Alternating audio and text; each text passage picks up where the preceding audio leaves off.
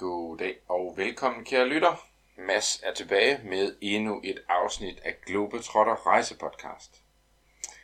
I dag i et øh, nyt land, et nyt område og med en øh, lidt anden type fortælling, end jeg plejer. De øh, skifter jo sådan lidt fra gang til gang, og i dag skiller sig ud på en ny måde. Vi skal nemlig til Portugal, og vi skal til Lissabon, og øh, jeg forsøger at kaste mig ud i øh, en lille fortælling, en lille snak omkring storbuffet. Allerførst så vil jeg bare lige starte med at sige, at jeg er enormt glad for, at du gider at lytte med. Det betyder meget, at øh, jeg har så mange afspilninger, som jeg har. Det giver mig egentlig bare mere blød på tanden til at lave endnu flere afsnit. Øh, da jeg startede det her lille hyggeprojekt, så tænkte jeg egentlig ikke, at der var nogen, som, som måske havde den store interesse i det, og de få, som så ville kunne bruge det til noget, jamen det var fint nok. Men øh, jeg kan se, at der er folk, som bliver ved med at lytte til mine afsnit, og derfor så synes jeg nu, at øh, jeg skylder jer et nyt afsnit. Og øh, til dem, som ikke er med inde i gruppen på Facebook, som også hedder Globetrotter Rejse Podcast, så må man jo endelig melde sig derind. Der kan man skrive direkte til mig, hvis man skulle have et spørgsmål, en kommentar eller måske et ønske om et eller andet sted, jeg jeg skulle fortælle om. Det kunne jo være, at jeg havde, havde det i tankerne.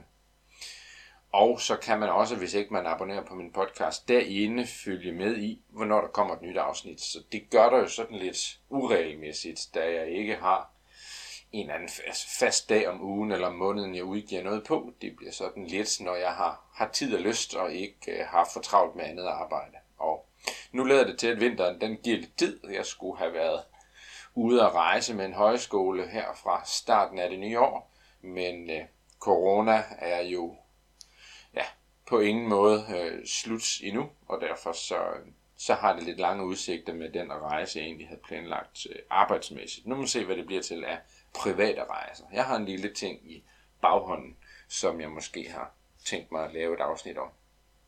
Men lad os kaste os over dagens afsnit, som sagt var det øh, Portugal og Lissabon, hvor jeg var for nogle år siden. det var for Brauturs, jeg var afsted der og var i, i Lissabon et halvt års tid med et par gode kollegaer, og øh, var en, en fantastisk sæson for mig, synes jeg. Det var enormt spændende at prøve øh, en, en metropol, som, øh, som Lissabon er, og opleve Portugal, øh, som jeg ikke havde været i før på det tidspunkt. Jeg plejer jo, inden, man, øh, inden jeg ligesom starter øh, med, hvad man bør opleve i, i, i stedet, øh, i, i landet, som jeg fortæller om, at øh, have noget med omkring, hvad man bør forberede, inden man tager afsted. Og jeg ved ikke lige, hvad man skulle forberede, inden man tager til et europæisk land, og inden man tager til, øh, inden man tager til Lissabon. Så det er måske snarere noget med en mental forberedelse, man kunne gøre sig, inden man tager hertil, hvis man ikke har været her før, vel og vel og med. For øh, jeg har haft den opfattelse, at mange synes, at Portugal og Spanien, det var sådan, det var sådan lidt det samme. Portugal, det var sådan en lillebror til, til det store Spanien lige ved siden af. De mindede lidt om hinanden på mange måder. Det kan måske også være den opfattelse, man har, når man kommer hjem fra sådan en uges rejse og ikke har stiftet øh, specielt meget bekendtskab med, med kultur og, og de mennesker, som egentlig lever her. For jeg synes ikke, det er helt rigtigt. Jeg synes faktisk langt fra, det er rigtigt. Jeg synes, der er stor forskel på, på de to lande. Og øh, jeg har også arbejdet i Spanien et par steder, og jeg øh, har ikke noget at udsætte på Spanien. Det er et fantastisk sted, men jeg vil alligevel sige, jeg synes, man er øh, væsentligt mere flink i, øh, i Portugal. Den venlighed, jeg møder på gaden, har jeg altså ikke mødt ret mange steder i Spanien på samme måde. Det med, at hvis man står på gaden og, og ikke lige kan finde vej, så kan der sagtens stoppe en eller anden ældre dame op og forsøge at hjælpe en, hvis hun kan se, at man har et problem. Øh, det er ikke sikkert, at hun kan snakke engelsk, men så forsøger hun alligevel på noget portugisisk eller noget med tegnsprog og frem og tilbage.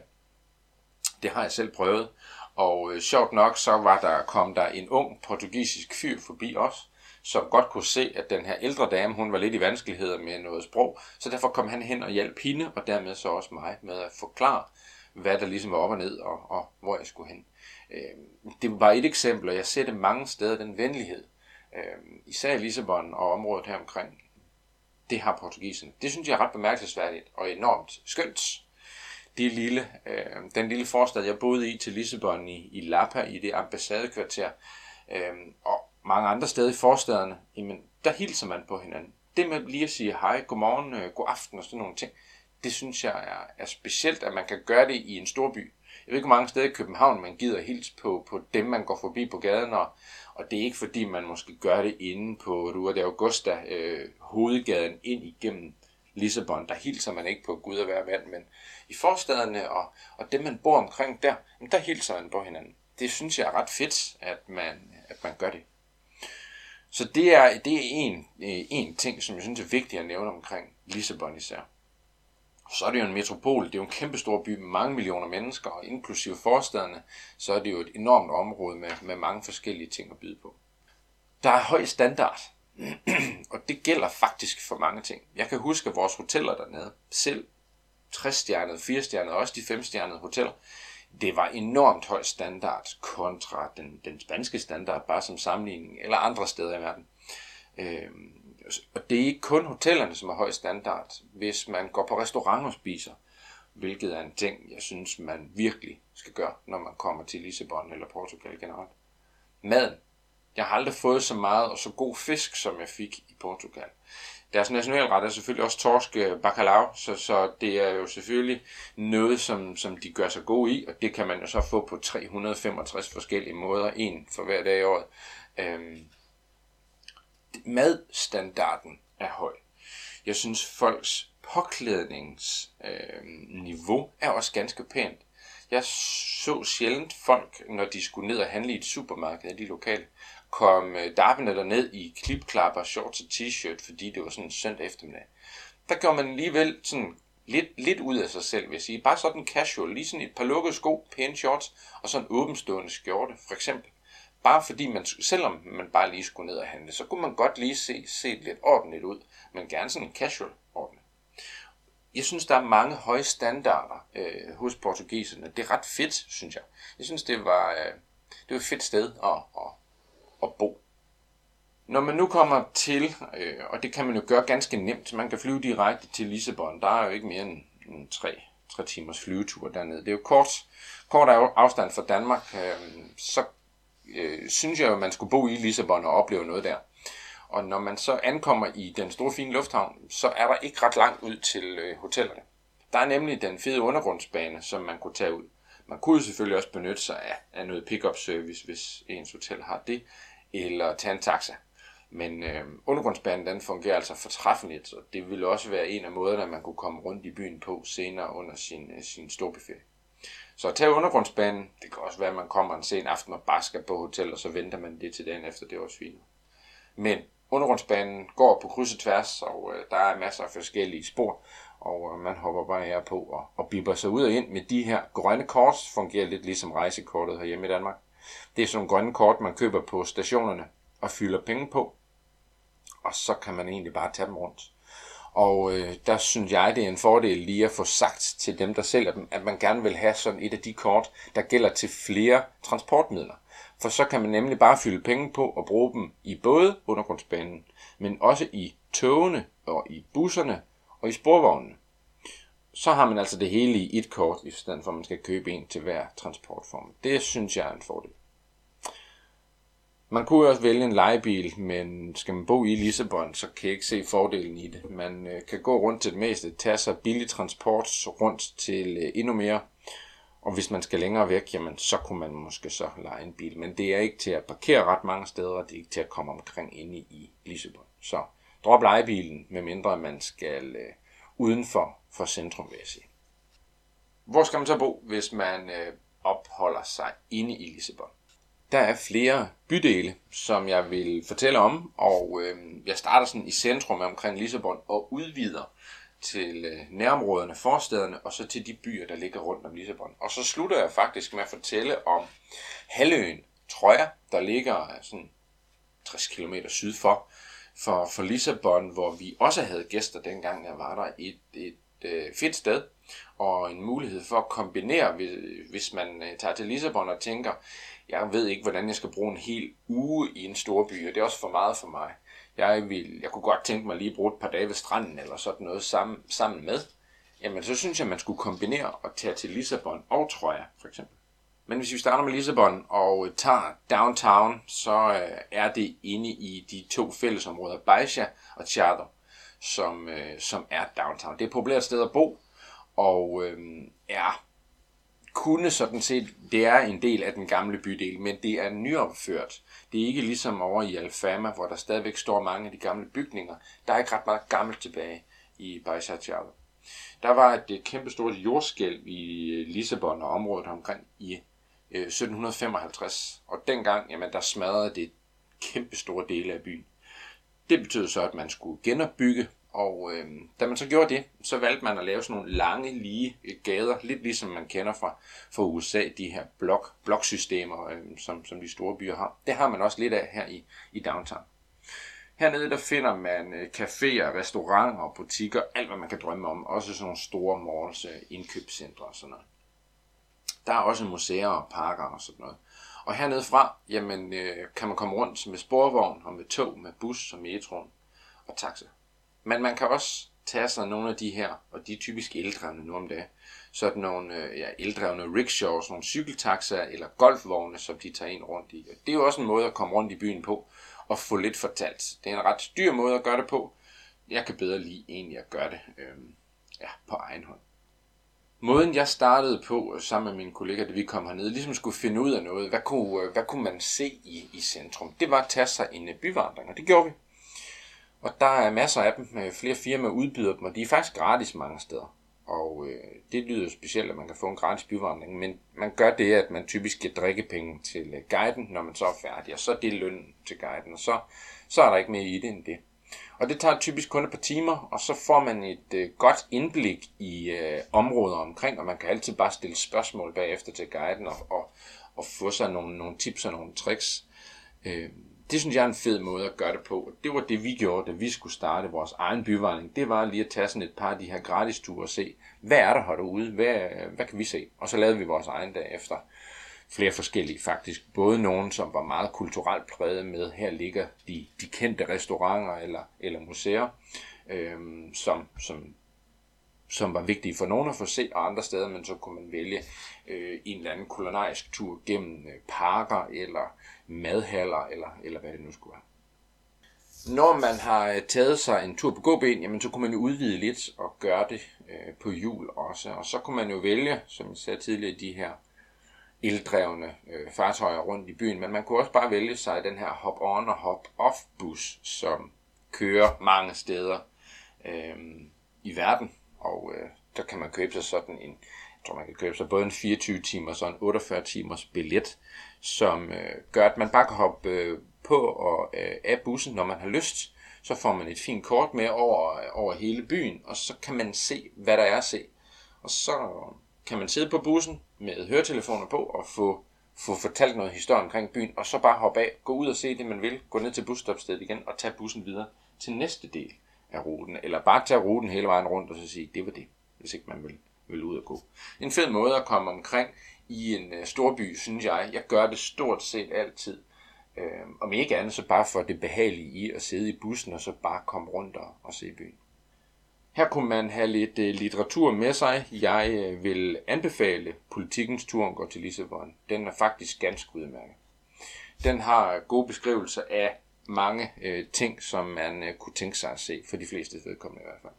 Med kendte restauranter, hvor der har siddet uh, ja, H.C. Andersen og spist et eller andet sted, eller andre kendte øh, mennesker, øh, de gode restauranter, de gode hoteller, de gode museer, sådan nogle ting. Det er godt beskrevet, og så er der en lille smule historie med det også selvfølgelig. Og den er rimelig dækkende for området omkring Lissabon nord og syd, øh, og også lidt vestpå. Dog er der en anden bog, som jeg synes er endnu bedre, og som giver et helt andet indblik i Lissabon, og øh, den kommer fra Aarhus Universitetsforlag, øh, som jeg synes, øh, de skulle skamme sig skulle de. De laver nemlig alt for få bøger. Øh, de burde lave endnu flere, for de er så fantastisk gode. De laver bøger omkring hovedsteder rundt om i verden. Og der kunne godt øh, komme endnu flere, synes jeg, og der er nemlig en om Lissabon. Den er inddelt i kapitler, og øh, hvert kapitel i bogen er skrevet af en ny forfatter. Det binder øh, byen enormt godt sammen, synes jeg, at en forfatter, som ved meget om vin, og som måske har boet i Lissabon, øh, på, i, på et givet tidspunkt jamen, fortæller øh, omkring øh, portugisisk vin En anden fortæller om fartemusik. En tredje fortæller om de her små tegl, de her små keramiktegl, som, som Portugal er kendt for at have både lavet og eksporteret. De har mange forskellige facetter af øh, et portugisisk liv, øh, centreret omkring Lissabon, synes jeg er fantastisk. Man kan både få den som lydbog, øh, eller så kan man bestille den ind på Aarhus Universitetsforlag. Øh, enormt godt skrevet, øh, og så selvfølgelig på, jeg tror, 12 forskellige måder, afhængig af hvor mange forfattere der nu har skrevet den enkelte bog. Enormt øh, god øh, bog at have med sig.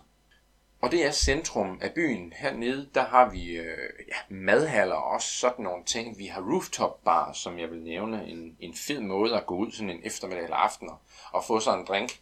Øh, Lissabon er bygget på syv høje, ligesom flere andre hovedsteder faktisk er.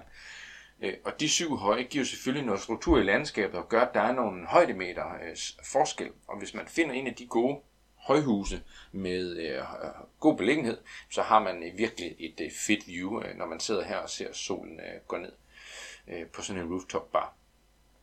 Madhallerne også, som jeg lige kort nævnte, ligesom at det er blevet ganske populært herhjemme med street food. Det er blevet så, det er blevet så udvandet, det, det udtryk med street food. Jeg synes, øh, jeg, jeg kalder dem for madhaller, når vi kommer herned, også fordi de er kæmpestore, og de har så enormt meget godt at byde på virkelig, virkelig høj kvalitet mad, og så er der så mange forskellige øh, køkkener, man kan besøge, men også forskellige køkkener fra det enkelte land, som jeg synes er ret fedt. Øh, lokal mad fra Porto eller fra Algarve-kysten, øh, hvor det nu måtte være. Det, øh, det er ret fedt at komme ind og opleve.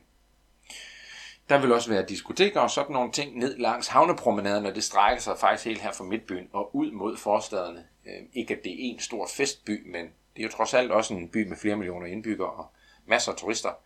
Så derfor så vil der også være steder, hvor man kan gå i byen. Og de her gamle øh, haller, hvor man øh, har haft øh, industri af den ene og den anden slags, øh, er bygget om flere steder til diskoteker. Og øh, der kan man altså virkelig gå i byen, skulle jeg hilse at sige, for jeg har oplevet, at øh, byen den starter selvfølgelig der om aftenen, og så øh, Næste morgen skulle man jo tro, at det lukkede igen, men jeg har prøvet at skulle ud på hotellerne om formiddagen og op mod middag. Der kunne jeg høre musikken, den bankede altså stadigvæk nede i de her store haller. Øhm, ja, og der kom folk øh, ud derfra stadigvæk. Det var, det var lidt en speciel oplevelse at se, at man kunne gå i byen i så mange timer i streg her. Den store commercialplads, øh, som er sådan centrumpladsen hernede for, som strækker sig den vej op igennem byen med Avenida Liberdade, altså Frihedsgaden, hvor man finder alle de store øh, mærkehuse, øh, Prada og Gucci, altså hvor man virkelig kan blive fattig på, på kort tid, hvis man skal ud og, ud og shoppe hele vejen op til Eduardo den, øh, den, den syvendes park, som ligger heroppe bagved. Det er sådan et, et langt lige stræk, og selve den her bydel strækker sig hele vejen heroppe bagved. Og øh, til op til parken, hvor der også er botanisk have, øh, giver, giver sådan et øh, enormt godt billede ud over byen heroppe fra. Hvis vi bevæger os en lille smule mod øst, så kan vi tage den gamle bydel med, hvor de ældste kvarterer stadigvæk står i Lissabon. Det er i Alfama. I Alfama er også øh, hjemstedet for fardermusikken, Og fardermusikken det er opstået her tilbage under den portugisiske sådan, kolonitid. Og øh, fardermusik er sunget oprindeligt af kvinder, og er også oprindeligt meget sådan melankolsk og lidt, lidt dyster og sørmodig musik og handler om kvindernes måske ulykkelige kærlighed til mændene, som er draget til søs og sådan nogle ting. Det var noget, de ernærede sig ved øh, dengang som, som, som sanger rundt om på små beværtninger og restauranter. Og det kan man stadigvæk opleve mange steder. Og fartemusikken har selvfølgelig udviklet sig, så, så det også kan være mænd, som, som er med, men typisk så var det en kvindelig sanger og så to mandlige øh, guitarister, som sad og spillede det synes jeg, man bør opleve, hvis ikke man kender til det. Nu er det ikke lige, fordi jeg synes, at fardermusikken er, er lige min type musik, men det er meget stemningspræget og, og en oplevelse. Og den originale fardo, den stammer altså fra Alfama-kvarteret, så det kunne man tage herop. Alfama har også øh, haft en del ombygning. Selvfølgelig jordskælvet satte også sit præg her, men da det ligger på sådan en klippeside, så virkede det faktisk som sådan en stødpude, og derfor er der meget, som, som stadig er bevaret her. Og også tilbage fra, fra mavernes tid, den ombygning, de har sat, sat deres præg på det her gamle arbejderkvarter, som Alfama er. Heroppe ligger også øh, den gamle borg, Castello de São Og øh, den ligger på, på et højdedrag med en fed udsigt ned over midtbyen og helt ud mod øh, 25. Aprilbroen, som ligger ude øh, vestpå, ud mod Atlanterhavet. Det var, det var tre af de fire centrale områder. Det sidste, jeg vil nævne, er Bairro Alto, som, øh, som også er et sted, man skal igennem. Og det kan være svært lige at se, hvornår man kommer ind i et nyt byområde. Og det er ikke så stort, Bairro Alto. Øh, det er et sted, som tilbage i tiden var her, hvor, hvor fiskerne øh, gik i land, og også af, hvor sømændene kom i land. Og når sømænd kommer i land, jamen, så bringer de jo ting med sig, og de trækker også ting til sig, for eksempel handelsfolk. Og det har givet helt tilbage i tiden sådan en enorm blanding af forskellige kulturer. Og nu ser man både sådan hippiekultur, men også øh, gode gourmet-restauranter, fado-restauranter, øh, hvor man kan komme ud og høre musik også, og cocktailbar. Så der er en, en, en stor blanding af mange forskellige ting, og det er et ret hipt sted både at bø øh, og bo, men også gå i byen. Øh, Bairro Alto. Ikke så stort, men ligger lige op af, af Baixa Charlo. Kommer man længere ud og kommer endnu længere vestpå, væk fra det, jeg vil kalde centrum, så kommer vi til forstederne. Og det var her selv boede ude i Lapa, som er sådan et ambassadekvarter. Øhm, og på vej længere ud mod Alcantara, hvor, hvor, hvor 25. aprilbroen også, også krydser Teshufloden, her ligger et sted, jeg vil fremhæve, som hedder LX Factory. LX Factory er sådan et ret hipt sted med tatovører øh, og mange sådan caféer i rå stil, og sådan et, et, et fedt miljø, vil jeg sige. Det ligger lige under broen, 25. aprilbroen, øh, på vej ud vestpå. Og jeg synes, man skal vestpå. Man kan tage sporvognen ud, man kan, tage også, man kan også tage toget inden fra, fra Midtbyen, som, som stopper hele vejen ud, og så hoppe af ud i øh, det, man staver som Belém, øh, men udtales egentlig Belay på, på portugisisk sporvognen herud eller toget, og så kan man øh, få sig lidt kultur. Herude øh, ligger det gamle Jeronimus kloster og kirken også, som er et, øh, et tilløbsstykke. Man kan komme ind og se det og få sig en, en tur rundt. Flere museer ligger herude, fordi der er god plads væk fra midtbyen. Sådan noget museum for moderne, øh, moderne kunst øh, og kompetenternes museum. Et gammelt øh, militærmuseum. Og så ligger monumentet for søfarerne herude også, som jeg synes er ret vigtigt. Øh, der står et par statuer herude også med, en, med en, øh, en speciel, et specielt objekt på, sådan en armilasfære. Det er sådan et øh, astronomisk instrument, som, som søfarerne har brugt til at navigere efter stjernerne med. Og jeg har faktisk selv fået tatoveret sådan en på armen, fordi jeg synes, det opsummerer portugisisk historie så godt. Den her øh, nation som, som søfarer, det med at rejse ud og håbe på at kunne bringe rigdom tilbage, som de jo gjorde her i slutningen af 1400-tallet starten af 1500-tallet og gjorde Portugal til et af de rigeste lande i hele verden. Der står det her kæmpe monument for søfarerne, man kan komme op i og se ud over Teshufloden. Langs havnen her, der kan man øh, for eksempel lege en segway, så kommer man lidt nemmere omkring. Det kan man nu mange steder, hvis ikke man har lejet sig cykler og, og tager turen rundt på, på den måde. Men det er, det er et fedt sted herude med, øh, ja, så kan jeg da lige nævne den lille bager også. Øh, Portugal er kendt for deres gode mad, men også for deres små gode kager øh, pastéis de Belém, sådan en lille, øh, sådan en lille cremetærte, øh, pastel de nata, som, øh, som laves i mange afskygninger, og den ude fra Belém, den er altså helt, helt verdenskendt øh, pastéis de Belém. Den kan man få herude ved en bager, der ligger næsten lige op ad Jeronimus kloster. Tager vi toget endnu længere ud, jamen så kan man jo øh, hoppe af ved nogle af badestrandene. Det er ikke nemt at bade inde i, øh, i Lissabon midtby. Det er jo Tisjefloden, der går den vej ind, og det, vil jeg ikke, det er ikke et sted, jeg selv vil bade. Jeg vil tage med toget ud og hoppe af ude øh, vest herfor mod øh, Cascais og Storil. Der ligger badestranden ude. Og Cascais og Storil, det er to forsteder, to gamle og ret hyggelige byer. Jeg synes, de er mere hyggelige end Lissabon. Og her kunne man jo også vælge at bo. Så kunne man jo bare tage toget eller eller en bil ind til, øh, til Lissabon, hvis man er hvis ikke man er helt så meget til storbyferie, men gerne vil opleve storbyen, så bo lidt, lidt derfra. Ude i Cascais vil jeg anbefale. Eller også i Storil. Og en lille, en lille sjov ting, man kunne stå af i Storil og opleve, er de her store casino. Casinoer, som er kendt fra blandt andet Casino Royale. Det er et af de største casinoer i, i Europa, og Casino Royale, James Bond-filmen, er altså optaget her. Og efter sine skulle det også være her, at Ian Fleming han fik ideen til den allerførste James Bond-bog, nemlig Casino Royale. Herude er der også golfbaner og, og fede øh, hoteller, man kan bo på, så man behøver bestemt ikke at bo i Lissabon. Det her det er kun en, en, en 20 minutters øh, togkørsel direkte ind, og så står man i downtown Lissabon, hvis man er, er mere til det. Hvis man tager sig på nogle øh, guidede ture rundt omkring, så synes jeg, man skulle vælge en, der går ud forbi Cabo de Roca, som er en, øh, den, den, det vestligste øh, punkt øh, i Portugal, som er en klippeside herude, hvor man kan komme ud og, og se ud over vandet og få sig. Historien fortalte selvfølgelig om, at det var her, man kunne stå og spejde ud over, når, når skibene de kom ind mod land, for eksempel. Det er, der, der er mange af de her klipper langs Portugals kyst, og Cabo de Roca er, er et af dem, og man er ret tæt på, for det ligger lige nord for, for Cascais. Herude øh, kan det godt blæse lidt. Det er jo direkte ud i det kolde Atlanterhav, og øh, herude er der masser af sådan noget som windsurfing og sådan noget, også på strandene herude.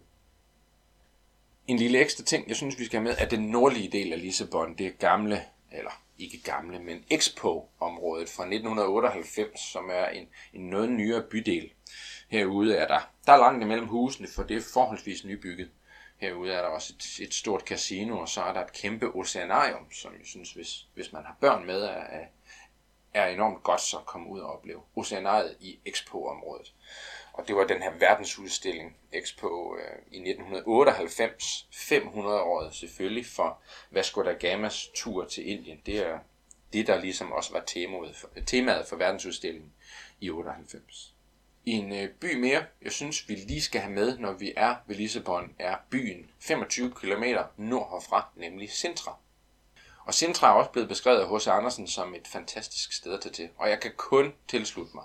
Der er en helt speciel stemning, når man kommer herop, kører ind gennem byen, en, en lille by, med de her kæmpe store platantræer, som står langs vejene og, og skygger. Det er værd at besøge, og man får sådan en, en sådan helt nærmest royal stemning, og der er også masser af paladser her i byen. Øh, det gamle kongepalads i Midtbyen giver sådan en, en god gennemgang af historien, man kan både købe sig til guidede ture, men også få sådan nogle, nogle audiobøger, man kan tage med sig rundt. Øhm, men også længere op ad klippen. Sintra ligger sådan en smule højere placeret end Lissabon, derfor er det også en smule mere svalt, køligt at komme herop i sommerperioden, og det er jo meget rart, når nu det er ret varmt nede i Lissabon. Så er det lidt koldere heroppe, og så kan man begive sig op ad klippen.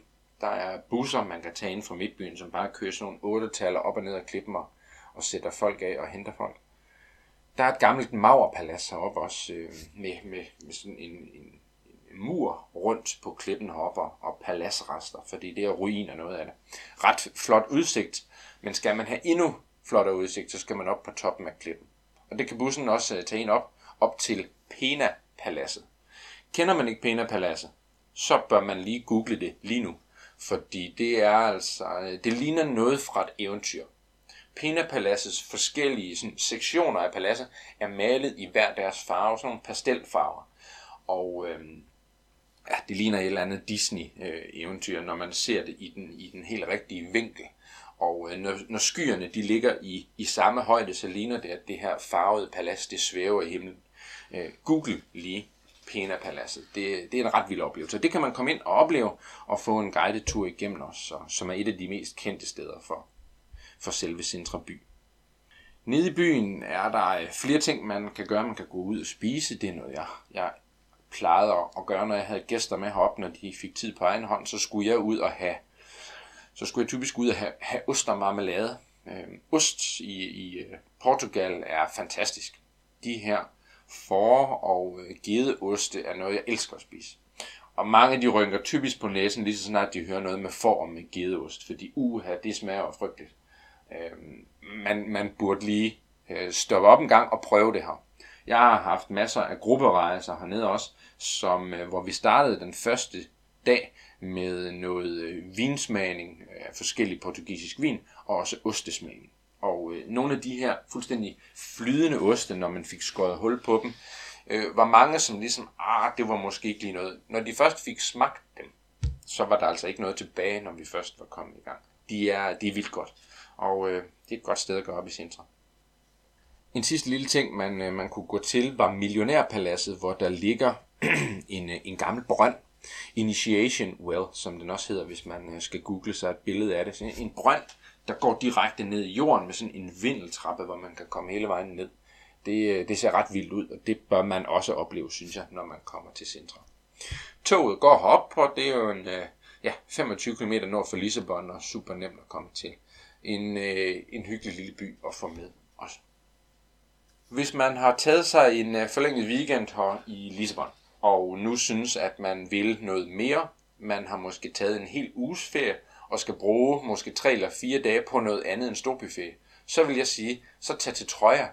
Det ligger sådan en, en 60 km syd for, for Lissabon, og øh, for at komme herned, vil jeg nok sige, så skulle man nok lege en bil. Hvis man gjorde det sidst på ferien, jamen, så kunne man jo få sin øh, legebil leveret på hotellet og køre herned øh, ud af, øh, af Lissabon. Det kan man sagtens på vej herned. Og så kunne man overnatte øh, sine dage enten i øh, Setubal eller tage færgen over og så bo på selve Trøjehaløen. På vej herned synes jeg lige, man bør gøre et stop ved den store Kristusfigur, som står. Lidt ligesom jeg fik sagt i et andet øh, podcast-afsnit, hvor jeg vist fik sagt, at Kristusfiguren øh, fik, står ved Sao Paulo i Brasilien. Det er selvfølgelig Rio, Rio, øh, Rio de Janeiro, den står ved, og står med sine arme spredt ud og beskytter byen. Sådan en har man også her, Cristo Rey, som står ved, øh, ved Lissabon, øh, op på, på klippetoppen, som står cirka 100 meter op og, og er 28 meter høj, og står og våger over Lissabon. Men øh, hernede i øh, området syd for Lissabon, der har vi nogle store skovområder også, så her kan man tage på safari i det område, der hedder Serra de Arabida. Og øh, der er korkplantager og mange andre ting, og der er vingårde, som man kan tage på besøg hos også. For eksempel sådan noget muscatelvin, hvis man kender det, eller sådan en sød dessertvin. Eller også den mest kendte rødvin i Skandinavien, nemlig Pekita. Pekita rødvinen fra, fra Portugal, som har hjemme øh, hos øh, vingården José de Maria Fonseca. Og den ligger altså hernede lige syd for Lissabon. Den kan man tage ud og besøge. Og øh, ja, den her vin er altså den mest solgte portugisiske vin i Skandinavien. Klart den mest solgte. Og det vinhus, det ligger altså hernede. Trøjerhaløen øh, kan man sejle til. Man kan også køre hele vejen udenom. Det er jo en halvø. Men man kan også tage færgen over i Setúbal, hvis ikke man vil bo i Setúbal. Det er også en ret hyggelig by at bo i. Men over på Troja er der sådan lidt et, et kunstigt samfund. Der er øh, en lille by med et par hoteller. Og der bor ikke rigtig nogen mennesker herovre, fordi dem, der er her, det er nogen, der arbejder her. De tager typisk færgen frem og tilbage hver dag fra Setúbal. Øhm, og der ligger et par fede hoteller over, som vi, som vi havde øhm, hos Brautours dengang. Øhm, de har det for sig selv herovre. Der er kæmpe strande. Jeg mener, der er 20 km sandstrand på den ene side af Trøjehaløen, og 50 km på den anden side. Øh, vandet er selvfølgelig køligt. Det er jo Atlanterhavet blandet med Middelhavet her i, i Portugal. Så derfor er det noget køligere, end hvis man forventer at komme langt ind i Middelhavet, hvor det er noget varmere. Men det er lækkert, og øh, man kan også se delfiner her. Der er nemlig en delfinfamilie, som holder til, og jeg mener, at det kun er tre steder i Europa, at man kan se det her fænomen, at den samme delfinfamilie holder til i den her indsø omkring Trøjerhaløen. Og nede i havnen, både i Setubal og i Trøjer, der kan man tage på delfinsafari med katamaranerne derhen. Også solnedgangsture mener jeg også, de har, hvor man kan komme ud og se dem. Og her er der altså, mener jeg, 99% chance for at komme ud og se delfinerne, fordi de lever her det samme sted. Og øh, det er jo sådan, man bør opleve delfiner, altså i deres frie natur, og mens de er ude i fisk og sådan nogle ting. Og man gør meget for at passe på dem. Det er noget med, at man kun må være i nærheden af delfinerne i et vist stykke tid, inden man så forlader dem igen, for ikke simpelthen at, at genere dem. Over på Trøjer øh, kan man også spille golf, og så ligger der også en golfbane derovre, som skulle være en af Portugals absolut bedste. Så hvis man er til det, så kunne man jo bruge en dag eller to på at øh, gå en, øh, et par runder på, på golfbanen på Trøjehaløen.